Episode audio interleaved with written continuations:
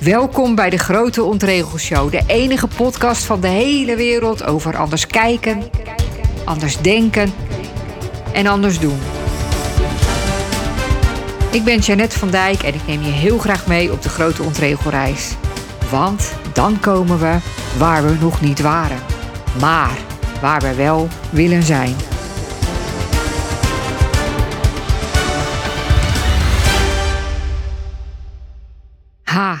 Lieve, leuke, enthousiaste, sceptische, misschien een beetje chagrijnige luisteraar.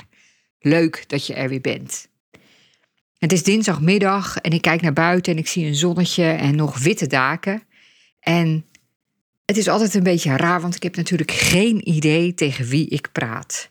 Nou ja, van een aantal mensen weet ik natuurlijk wel dat ze mijn podcast regelmatig luisteren. Maar van heel veel mensen weet ik dat ook niet. Dus ik zou het heel erg leuk vinden als je iets van je zou laten horen, op welke manier dan ook.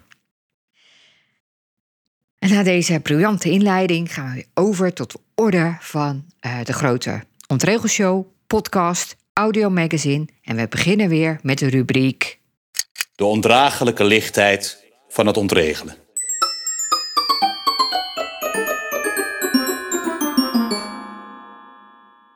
Onder meer door deze podcast hou ik me weer meer bezig met ontregelen. En ik moet zeggen, ik word er elke dag weer meer fan van. Ik vind het zo mooi, ja, gegeven eigenlijk, dat je als je anders kijkt, als je anders denkt en anders, als je anders doet, dat je dan verder komt. Dat het werkt bij elke verandering die je wil, bij alles wat in beweging moet komen, bij elke stap die je kan zetten, bij alle vormen van groei. En hoe meer ik me ermee bezig hou, hoe meer grote ontregelaars ik ook zie. Ik heb het al een keer gehad over Oprah Winfrey met haar goede ontregeltip over hoe je anders aan kan kijken tegen ruzies of als iemand boos op je is. En vandaag wil ik het hebben over een andere grote ontregelaar. En dat is Tara Tara Tara Eckhart Tolle. En als Oprah, die na haar 4571 televisieshows nu ook een podcast heeft die Soul Conversations heet, zoiets. Als zij hem aan, aankondigt, zij doet regelmatig een interview met hem en soms is het live. En dan kondigt ze hem aan alsof het een grote wereldster is. En dan zegt ze Eckhart Tolle. Of Tolle, of weet ik hoe ze dat zegt. En dan gaat de zaal uit zijn dak. En Eckhart Tolle is natuurlijk niet wat je zegt, iemand die uh, het charisma of de power of de uitstraling heeft van een wereldster, maar hij is het wel. Want hij is briljant. En je merkt als Oprah hem interviewt dat ze ook echt fan van hem is. Aan de andere kant is hij ook eigenlijk weer een hele monotone spreker. Monotoon, monotone, monotone, monotone spreker. Toen ik een tijdje uh, s'nachts helemaal niet goed kon slapen, toen luisterde ik regelmatig naar interviews van Oprah met Eckhart. En ik viel dan altijd in slaap. Maar dat betekent niet dat wat hij zegt saai is. Integendeel. En ja, ik vind het ook grappig, want hij maakt ook van die grapjes. En daar moet hij dan zelf ook om lachen. Ja, dat vind ik dan heel erg leuk, want dat heb ik zelf ook een beetje. Dus uh, ja, Eckhart Tolle. Ja, waar hij natuurlijk vooral bekend over is, is over de kracht van het nu. Dat heel veel van onze gedachten, onze zorgen, onze angsten te maken hebben met dingen die in het verleden zijn gebeurd en waar we dus niks meer aan kunnen veranderen. Of die in de toekomst misschien zullen gebeuren. We weten niet of het gaat gebeuren, maar we maken ons er wel al heel erg druk om. Nou, je moet maar eens opletten hoe vaak dingen waar je je zorgen over maakt, dingen zijn die misschien ooit wel gaan gebeuren en misschien ook niet. Maar de zin van hem die de meeste impact op mij heeft gehad, wat echt een enorme eye-opener was. En ik heb heel veel eye-openers gehad. Dus als ik zeg dat dit een van mijn grootste eye-opener is, nou mensen, dan wil dat wat zeggen. Dat was: je moet niet alles geloven wat je denkt. En toen ik dat voor het eerst hoorde, toen dacht ik, ja, dat is leuk bedacht. Ha. Maar ik dacht, ja, het is natuurlijk niet waar. Want wat ik denk is waar. Mijn gedachten zijn waar. Maar ze zijn niet waar. Het is niet altijd waar wat je denkt. Ik kan het niet, dat is niks voor mij. Ik kan het beter niet doen, want het loopt vast slecht af. Ah, dat komt later wel. Ja, ik kan het maar beter niet zeggen, want ja, misschien valt het niet zo goed bij die ander. Of weet je, ja, ik kan het wel vragen, maar ah dat wil hij toch niet. Of, nou, ik ga het ook niet proberen, want het gaat toch niet lukken. Of het zijn dingen van vroeger die we ooit gehoord hebben en die zo in ons systeem zitten vastgeroest dat we ze zijn gaan geloven. Je kan beter niet je hoofd boven het maaiveld uitsteken of dat is niet iets voor ons soort mensen of deze. Doe maar gewoon, dan doe je al gek genoeg. Als je het heel vaak hebt gehoord, dan wordt het vanzelf waar. Als je dingen heel vaak tegen jezelf zegt, dan worden ze waar in je hoofd. Maar in de werkelijkheid zijn ze lang niet altijd waar. Want je kunt ook iets anders bedenken. En dat kan ook waar zijn. Ik kan het wel. Ik ga het gewoon doen, ook al weet ik niet zeker of het lukt. Maar ik kan het maar beter geprobeerd hebben. Ik ga het toch tegen hem zeggen, want wie weet valt het kwartje. Ja, ik dacht altijd dat het niks voor mij is, maar ja, misschien eigenlijk wel. En waarom zou je je hoofd niet boven het maaiveld mogen uitsteken? Waarom is dat niet iets voor ons soort mensen? Waarom moet je altijd gewoon doen? We vertellen ons vaak verhalen, bekende verhalen. Verhalen die ons in zekere zin geruststellen, omdat we dan kunnen blijven waar we zijn. Maar je kunt ook bij dingen die je vroeger van vroeger hebt meegekregen, altijd kiezen voor een ander verhaal. Je kunt er altijd voor kiezen om een ander verhaal tegen jezelf te vertellen. Een verhaal dat ook waar is. En dat verhaal kan jou juist weer helpen om verder te komen. Je ontregelt eigenlijk het oude verhaal, je oude gedachten, je oude imprint. En dat allemaal dankzij Eckhart Tolle, die zei: Je moet niet alles geloven wat je denkt. Yo, Eckhart Tolle, Tolle. Ik moet even opzoeken hoe ze dat zegt, want het klinkt echt heel erg leuk. Veel leuker dan Tolle.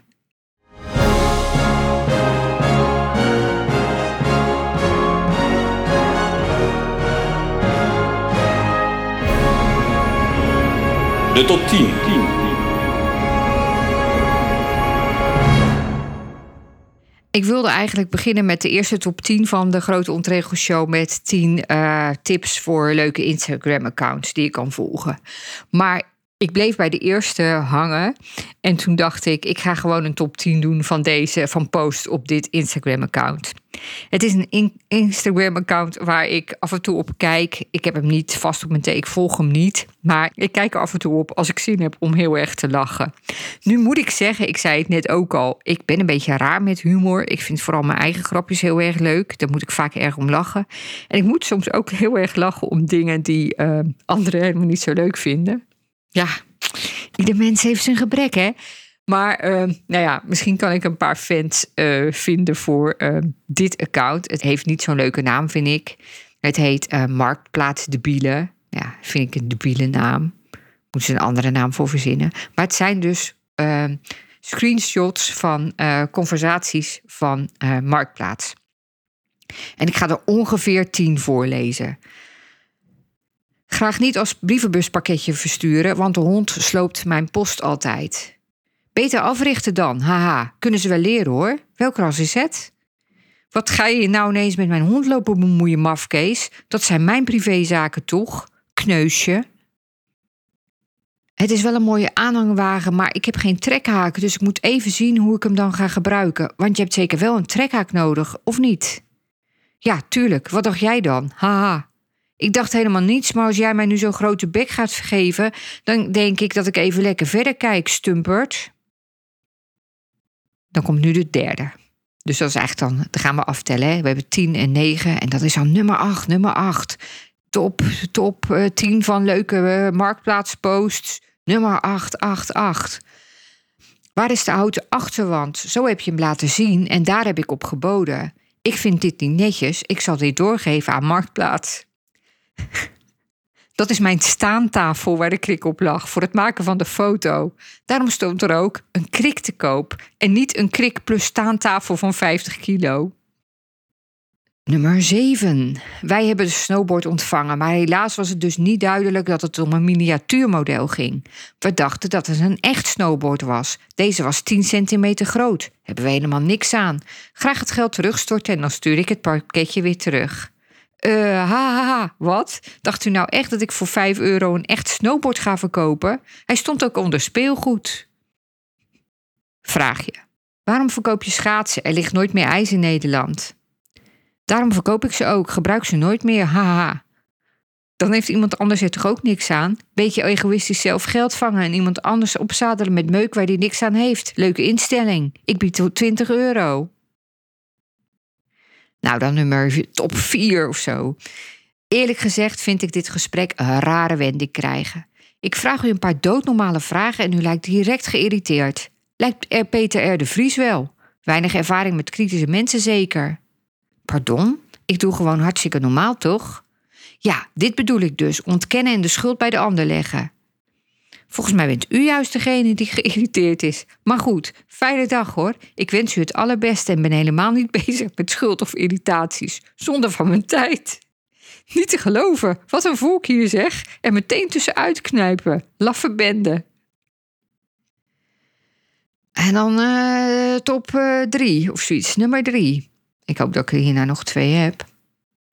Beste, beste A. Timmerman, ik heb een vraag over bureau met opbergvak. Zou u een één op één chat met mij willen doen hier op Marktplaats, waarbij ik vragen stel over uw beroep en dat u die dan beantwoordt?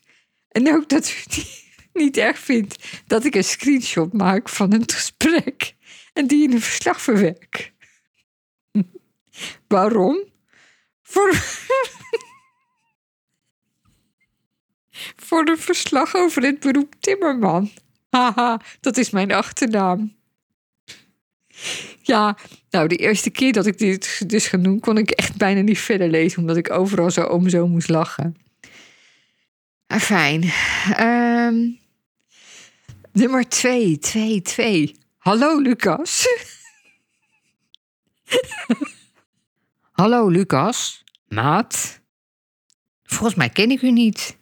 Ik bedoel, wat zijn de maten van de banden? Het ging over een uh, aanbod van crossmotorbanden. Wij willen graag jouw wasmachine kopen, punt. Hebben aanhanger, punt. Vanavond mogelijk, punt. Anders morgen, punt. Ga naar reactie, punt. O, K, commandant, punt. Vanavond, punt. 1900 uur, punt. Over, punt. Dit gaat over, is de laatste hoor. gaat over een meer dan complete wie. Oké, prima, tot vanavond, tot vanavond. Helaas, mijn vrouw kwam net thuis van het werk en ik zei dat ik de wie zou ophalen omdat ze dan wat af kan vallen. Ze heeft het helaas niet zo goed opgevat. Nu is ze boos met haar auto vandoor, vandoor gegaan en zal ik vanavond dus niet meer kunnen komen. Excuus hiervoor, maar het gaat over. Met vriendelijke groet. Nou, ik hoop echt dat iemand, ook al is maar één iemand, één luisteraar, er ook een beetje lol aan heeft gehad. En anders, ja, dan uh, hoop ik dat jullie blij zijn voor mij. Dat ik me er zo. Uh, dat ik er zo om kan lachen. Vandaag gelezen. Ja, ik ga weer verder met het boekje De Zeven Spirituele Wetten van Succes, waar het in een van de vorige podcasts ook over ging. Een dun boekje van Deepak Chopra over uh, het vervullen van je dromen. Ik heb al een keer een hele podcast uh, op, uh, en we noemen het storytelling, opgenomen over wet 1, de wet van pure potentialiteit. Die gaat over het verminderen van de ruis tussen je werkelijke ziel en je ego. Dat kan door twee uur per dag stil te zijn, door um, een half uur ochtends en een half uur avonds te mediteren, door vaker de natuur in te gaan en door niet meer te oordelen of veel minder te oordelen over jezelf en anderen. Twee afleveringen geleden ging het over wet 2, de wet van het geven. Nou, dat ging over uh, de, de ja, universele energie tussen de kosmische energie tussen geven en ontvangen in stand houden. Nou, die wet kan je bereiken door Ehm, aan iedereen die je tegenkomt iets te geven. Een cadeautje, een glimlach, uh, een compliment. Door ehm, alles wat het leven geeft dankbaar in ontvangst te nemen. Nou, met die sneeuw kan ik daar nog wat van leren. Dat ik die sneeuw dan dankbaar in ontvangst kan nemen. Had ik nog niet gedaan. En open te staan voor geschenken van anderen. En rijkdom te krijgen door uh, het geven en ontvangen te laten circuleren. Dan was ik zelf, ik heb het boekje een tijd geleden gelezen en ik heb wel eens verteld, ik wilde eigenlijk een podcast maken over alle zeven wetten in één keer. Maar toen was ik bij de eerste wet en toen dacht ik, nou volgens mij heb ik al mijn hele leven nodig om hier uh, aan te voldoen. Dus ik doe het gewoon één voor één. En ik was heel benieuwd wat wet 3 ook alweer was, want dat wist ik natuurlijk al lang niet meer. Wet 3 is de wet van het karma, van oorzaak en gevolg. De wet van wat je zaait, zou je oogsten. Als je actie onderneemt die anderen geluk en succes brengt, is de vrucht van ons karma geluk en succes. Dus inderdaad, wat je geeft, krijg je terug. En die wet begint, heeft volgens Deepak Chopra van alles te maken met keuzes die, die we hebben. En heel veel van onze keuzes maken we onbewust. En de wet van het karma is juist om bewuste keuzes te maken. Nou, hoe gaat het dan met die onbewuste keuzes? Dat zijn eigenlijk automatische reacties. We denken dat het vanzelf gaat. We denken dat we daar niets aan kunnen doen. Want ja, het, is, het, komt gewoon vanzelf. Als je bijvoorbeeld beledigd wordt, dan word je niet boos, maar dan kies je ervoor om kwaad te worden. Als je een compliment krijgt, dan word je niet vanzelf dankbaar. Nee, zegt Deepak Chopra, dan kies je ervoor om dankbaar of gevleid te zijn. Het gaat onbewust, maar het is toch een keuze. Het zijn een soort geconditioneerde reflecten. Net zoals die hond van Pavlov, die ging kwijlen als hij een bel hoorde, want dat was voor hem het teken en komt eten aan. We doen het dus, ja, het zijn allemaal Pavlov-reacties. Maar het zijn ook onbewuste keuzes. En als we wat meer afstand nemen, als we dus eigenlijk een beetje pauze houden tussen onze eerste Pavlov-reactie en ons bewust worden dat we ook anders kunnen reageren, dan gaan we van het onbewuste naar het bewuste. Dus door wat meer afstand te nemen. En dat helpt je om de wet van karma toe te passen. Dat is heel effectief, zegt Deepak Chopra. En hoe kun je dan een andere keuze maken? Een keuze die meer gaat over ja, wat je zaait, ga je ontvangen. Dan zijn er twee vragen die volgens hem belangrijk zijn. En de eerste vraag is: wat is de consequentie van deze keuze? En maak ik de mensen, als ik bijvoorbeeld ja zeg, maak ik dan de mensen en de mensen, mijzelf en de mensen om me heen er gelukkig mee? Dus is daarop het antwoord ja, dan is het een goede keuze. En de goede keuze die, die leidt tot de juiste actie en de juiste reactie. En hoe weet je nou of het een goede keuze is? Nou, daar heeft Deepak Chopra ook het antwoord op. Hij zegt dat antwoord geeft je lichaam. Als je bij stil gaat als, ik, ik heb gemerkt dat ik de het as zegt in plaats van als. Dat is ook uh, raar, hè? Dat is ook onbewust. Maar als je dus een keuze wil maken en je voelt, als ik dit ga doen, als ik deze keuze maak? Wat voor gevoel geeft dat in mijn lichaam? Als het een aangenaam gevoel geeft, dan is het een goede keuze. Geeft het een onaangenaam gevoel, dan is het geen goede keuze. En dat gevoel kan ergens zitten bij je hart of bij je onderbuik of, of ergens in je intuïtie. Het is een fysieke reactie die aangenaam is of onaangenaam. En volgens Deepak Chopra zit die meestal uh, bij je hart, bij de meeste mensen. Want je hart heeft een soort connectie met de kosmos. En de wet van het karma is dus wat je zaait, dat ga je oogsten. Dus als je een goede keuze maakt, dan ga je ook een goede oogst krijgen. Dus om geld, en het gaat natuurlijk de wet, zijn de zeven spirituele wetten van succes voor het vervullen van je dromen. Dus als je geld en overvloed wil vergaren, en wilt, ervoor wilt zorgen dat alle goede dingen naar je toestromen, op het moment dat je wilt, dan moet je je eerst bewust van zijn dat je toekomst wordt bepaald door de keuzes die je op elk moment van je leven maakt. Dus als je die keuze niet meer automatisch maakt, maar bewust, door te luisteren naar het gevoel van je lichaam, dan zet je die wet van het karma in werking. De goede keuzes maken zorgen ervoor dat je geld en overvloed, ja, dat die naar je toestromen. Dus hij zegt, als je je hiervan bewust bent, dan benut je de wet van het karma ten volle. Nou, dan heeft hij ook nog iets over dat je kan leren van de dingen die in het verleden gebeurd zijn, maar dat, dat sla ik nu even over. Ik ga naar de drie stappen die hij noemt in zijn boekje over het toepassen van de wet van het karma. Ofwel oorzaak en gevolg. Ik zal de wet van het karma in praktijk brengen door me voor te nemen de volgende stappen te doen. Vandaag zal ik van een afstand kijken naar de keuzen die ik op elk moment maak. En alleen al door naar deze keuze te kijken, word ik me ervan bewust. Ik zal beseffen dat de beste manier om me voor te bereiden op de toekomst is om me in het heden volledig bewust te zijn van mijn keuzen. 2. Elke keer dat ik een keuze maak, zal ik mezelf twee vragen stellen. Wat zijn de consequenties van de keuze die ik maak? En zal deze keuze mij en degene die erdoor beïnvloed worden voldoening en geluk brengen? 3. Dan zal ik mijn hart om raad vragen en me laten leiden door zijn aangename of onaangename boodschap. Als de keuze me een aangenaam gevoel geeft, zal ik enthousiast die weg inslaan. Als de keuze me een onaangenaam gevoel geeft, zal ik met mijn innerlijke oog naar de consequenties van mijn actie kijken. Als ik me hierdoor laat leiden, zal ik in staat zijn spontaan de juiste keuze voor mezelf en degene om me heen te maken. Mind your own business.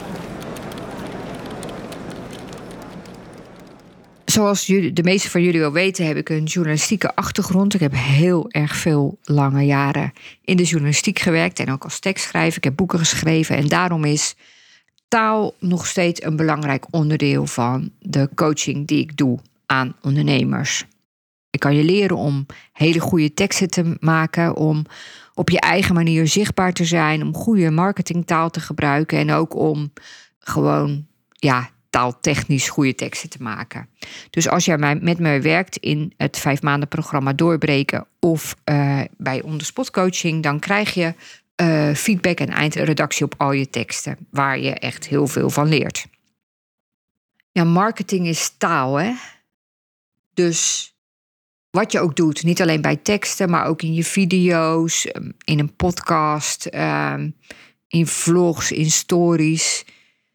Marketing komt altijd neer op taal. Dus het is gewoon heel belangrijk dat je je boodschap goed kunt verwoorden. Dat je weet wat je wil zeggen. Dat je daar de goede woorden voor vindt en die ook bij jou passen. Want ik geloof echt, er zijn heel veel mensen die moeite hebben met zichtbaarheid. Maar ik geloof dat het echt een stuk makkelijker wordt als je het op jouw manier doet. Met jouw woorden, met jouw ja, intentie, met jouw bedoeling. En niet per se zoals iemand anders zegt dat je het moet, moet doen. En daar moest ik aan denken toen ik pas de tekst zag van een ondernemer. Die, ehm, ik had al een deel van zijn nieuwe website gezien. En ik voelde me daar enorm door aangesproken. Ik vond het echt een hele sterke tekst. Omdat ik, ja, hij noemde zeg maar dingen op die de resultaten waren van een samenwerking met hem. En ik dacht bij alles ongeveer van wauw, wat geweldig. Wauw, dat je dat kan. Wauw, ja, dat heb ik ook. En oh ja, dat zou ik ook willen. Ik werd er helemaal blij van. En toen stuurde hij me later ehm, nog meer tekst. En dat begon eigenlijk met ja, een tekst waar ik helemaal niet zo vrolijk van werd. En toen dacht ik, hé, maar ik had toch wel iets gezien en dat vond ik juist zo goed en zo. En toen zag ik ineens wat hij had gedaan. Hij begon met het benoemen van de problemen van zijn potentiële klant. Of van mij als lezer. Want ik denk, een van de dingen waarop je een tekst goed kan beoordelen, is om je helemaal te verplaatsen in de ontvanger. Nou, dus dat deed ik. En ja, ik merkte gewoon dat ik eigenlijk niet zo. Ja, ik had niet zo'n zin om verder te lezen. Volgens mij gingen mijn schouders uh, nog verder naar beneden hangen dan ze normaal doen. En ja, ik, ik, ik, ik werd er helemaal niet vrolijk van. En toen zag ik wat hij had gedaan. Hij was begonnen met het benoemen van de problemen van zijn potentiële klant. Een klant die ik ook had kunnen zijn. En daarna kwam het stuk wat ik al had gelezen. En dat waren juist de resultaten die je ermee bereikt. Hoe je je voelt, wat er gebeurt als je met hem gaat werken. En ik dacht, ah ja, ik snap het. Hij doet wat uh, website tekstgoeroes, internetgoeroes, marketinggoeroes een tijdje geleden heel luid verkondigden wat je moest doen. Ik weet eigenlijk niet of ze het nog steeds doen, maar dat was dat je je moet verplaatsen in de pijn van de klant en die problemen moet benoemen en er dan nog een beetje dieper op in moet gaan. Zodat die klant die pijn echt helemaal voelt. En ook moet je dan zeggen, ja, en als je er niks aan doet, nou dan gebeurt er dit of dat. Bijvoorbeeld, je spreekt iemand aan die uh, stress heeft. Nou ja, die komt dan al zagrijnig thuis en zijn vrouw is ook al niet meer blij. En hij weet wel, als het zo doorgaat, dan gaat zijn vrouw gewoon op een gegeven moment bij hem weg. Want dat is natuurlijk geen doel meer voor haar, zoiets. En dan ben je zo diep bij die pijn dat dan die klant denkt: Oh ja, ik verlang naar een oplossing en ik zie het, jij gaat mij die oplossing geven. Nou, waarschijnlijk werkt het, want anders zouden ze het niet zo uh, vaak hebben gedaan. Maar bij mij werkt het gewoon. Misschien heeft het bij mij ook wel ooit gewerkt en ik heb het zelf ook wel uitgeprobeerd. Maar ik doorzie dat trucje nu zo en ik heb het zo vaak gezien dat het mij niet meer raakt. Dat ik alleen maar denk: oh ja, ik moet die pijn nu in. En ja, het, het, drukt niet meer op mijn juiste knoppen. En ja, ik zie dus nog heel veel mensen dat zo doen. En dat is natuurlijk helemaal prima als het een bewuste keuze is. Nou, de wet van het karma komt ook ineens weer heel leuk voorbij fietsen nu. Ik ben echt onwijs leuk de dots aan het connecten.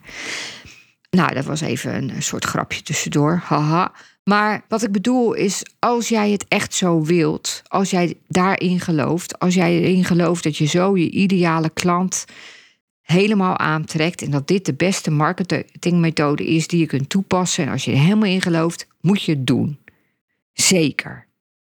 Maar als je het doet omdat iemand anders het bedacht heeft, maar je hebt er nooit over nagedacht of je het zelf eigenlijk ook wel heel fijn vindt, dan zou ik zeggen: kijk er nog eens naar. Begin jij met de pijn van je klant en kom je daarna met je resultaten? En hoe zou het zijn als je gewoon begint met dit en dit krijg je als je met mij gaat samenwerken? Dit gebeurt er in je leven, dit verandert er, dit merkt je omgeving ervan, zo ga je je voelen. En dit en dit en dit krijg je ook nog. Of dit en dit leer je ook nog. Ik laat hem verder open. Ik, uh, nou, mijn mening is geloof ik wel duidelijk in deze. Maar wat is jouw mening? Daar gaat het natuurlijk om. En kies je daar bewust voor? Sta je daar helemaal achter? Waar ben je mee bezig?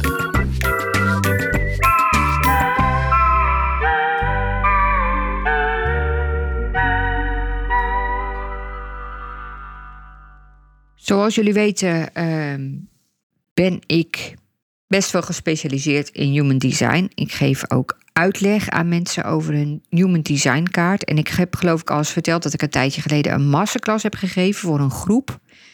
En dat vond ik ontzettend leuk. Sowieso omdat ik het leuk vind om met een groep uh, te werken. Nou, eigenlijk um, om tegen een groep dingen te vertellen, laat ik het zo zeggen. Het is toch een beetje op een podium staan wat ik heel graag doe. En omdat ik ook omdat het ook een handige manier was om te laten zien hoe verschillend we allemaal zijn en hoe anders mensen zijn dan jij zelf bent en wat voor andere types er zijn. En nou ja, goed. Um, ik vind human design heel mooi omdat je jezelf erdoor beter leert kennen en begrijpen en snappen. Maar je leert ook anderen erdoor beter snappen. Je leert beter snappen hoe anderen in elkaar zitten en hoe je dan op elkaar reageert. En dat is in zo'n groep een extra mooi bijeffect, omdat eigenlijk ja, heel duidelijk te zien. Nou, de groep was ook heel enthousiast. Dus naast de één op één sessies wil ik nu heel graag beginnen met een soort masterclass over human design. Waarin je de basis uitleg krijgt. En eigenlijk een hele belangrijke basis. Welk type je bent, wat voor jou de beste manier is om besluiten te nemen. En ja, wat voor jou de beste manier is om te werken. Dat is eigenlijk ook voor iedereen verschillend. En dan geef ik er ook nog wat extraatjes bij. Nou, dat is, uh, de prijs is natuurlijk lager dan voor een één op één uh, sessie. Dus het is volgens mij een hele mooie instap. Dus stel je voor, je hebt een groep van vriendinnen of familie of collega's of kennissen. Of ja, met wie je dat zou willen doen, dan kun je als groep aanmelden. Maar ik ga dus ook een soort open deelname doen. En daarbij kan je er dan voor kiezen om een soort anoniem je kaart ook in te brengen. Waardoor je verder niet uh, genoemd wordt wie jij bent en weet ik veel wat. Kun je allemaal nog. Uh, dus het is dus ook uh, ja, niet je hele hebben en houden hoeft er bloot te liggen. Mag wel. bespreken we allemaal nog wel. Het zijn eigenlijk de details. Eigenlijk is mijn vraag ben jij al een tijdje ook geïnteresseerd in human design en denk je, ik zou er wat meer van willen weten? Dan is misschien deze masterclass wat voor jou. Stuur me dan een berichtje. Mijn e-mailadres is info.janetvandijk.nl, want dan hou ik je op de hoogte uh, daarvan. Nou, en verder, ik heb het al genoemd in deze podcast, kun je je nog steeds aanmelden voor het vijf maanden business traject Doorbreken, waarbij je eigen persoonlijke en zakelijke grenzen doorbreekt en je eigen resultaten haalt, wat van alles kan zijn. Maar ehm, mijn grote doel is eigenlijk altijd met de mensen met wie ik werk om te doen wat echt bij ze past, op de manier die echt bij ze past. Want ik geloof dat dat echt de basis voor succes en voldoening is. En daarnaast onderspot coaching, een coach in je achterzak. Daar wil ik ook nog even iets over vertellen, want dat kan je ook een maand uitproberen. Je kunt dus een maand met mij werken. Flexibele coaching. Je kunt vragen stellen, dilemma's voorleggen op het moment dat jij, ze dat, jij dat nodig hebt, zodat je zeg maar leert on the spot. Verder kunt on the spot, groeit on the spot, nieuwe inzichten krijgt on the spot, wordt ontregeld on the spot. En ja, als je denkt van ja, nou ja, ik, het is nieuw. En, uh, of ja, ik weet nog niet precies hoe jij werkt, maar ik wil het eigenlijk wel eens een keer uitproberen. Nou, dan kan dat dus voor een maand. Werkt het, dan gaan we lekker door. Uh, heb je je uh, doel bereikt, dan kun je ermee stoppen. Denk je van, nou ja, ik vind het wel, vond het wel nuttig, maar het hoeft niet langer, is dat ook goed. Dus, resumerend, stuur me een mail als je wat meer wil weten. Ik uh, kom sowieso heel graag in gesprek met je. Nou, dit was hem weer, de aflevering van vandaag. Heel graag tot de volgende keer. Dank je wel dat je luisterde. En succes met het ontregelen.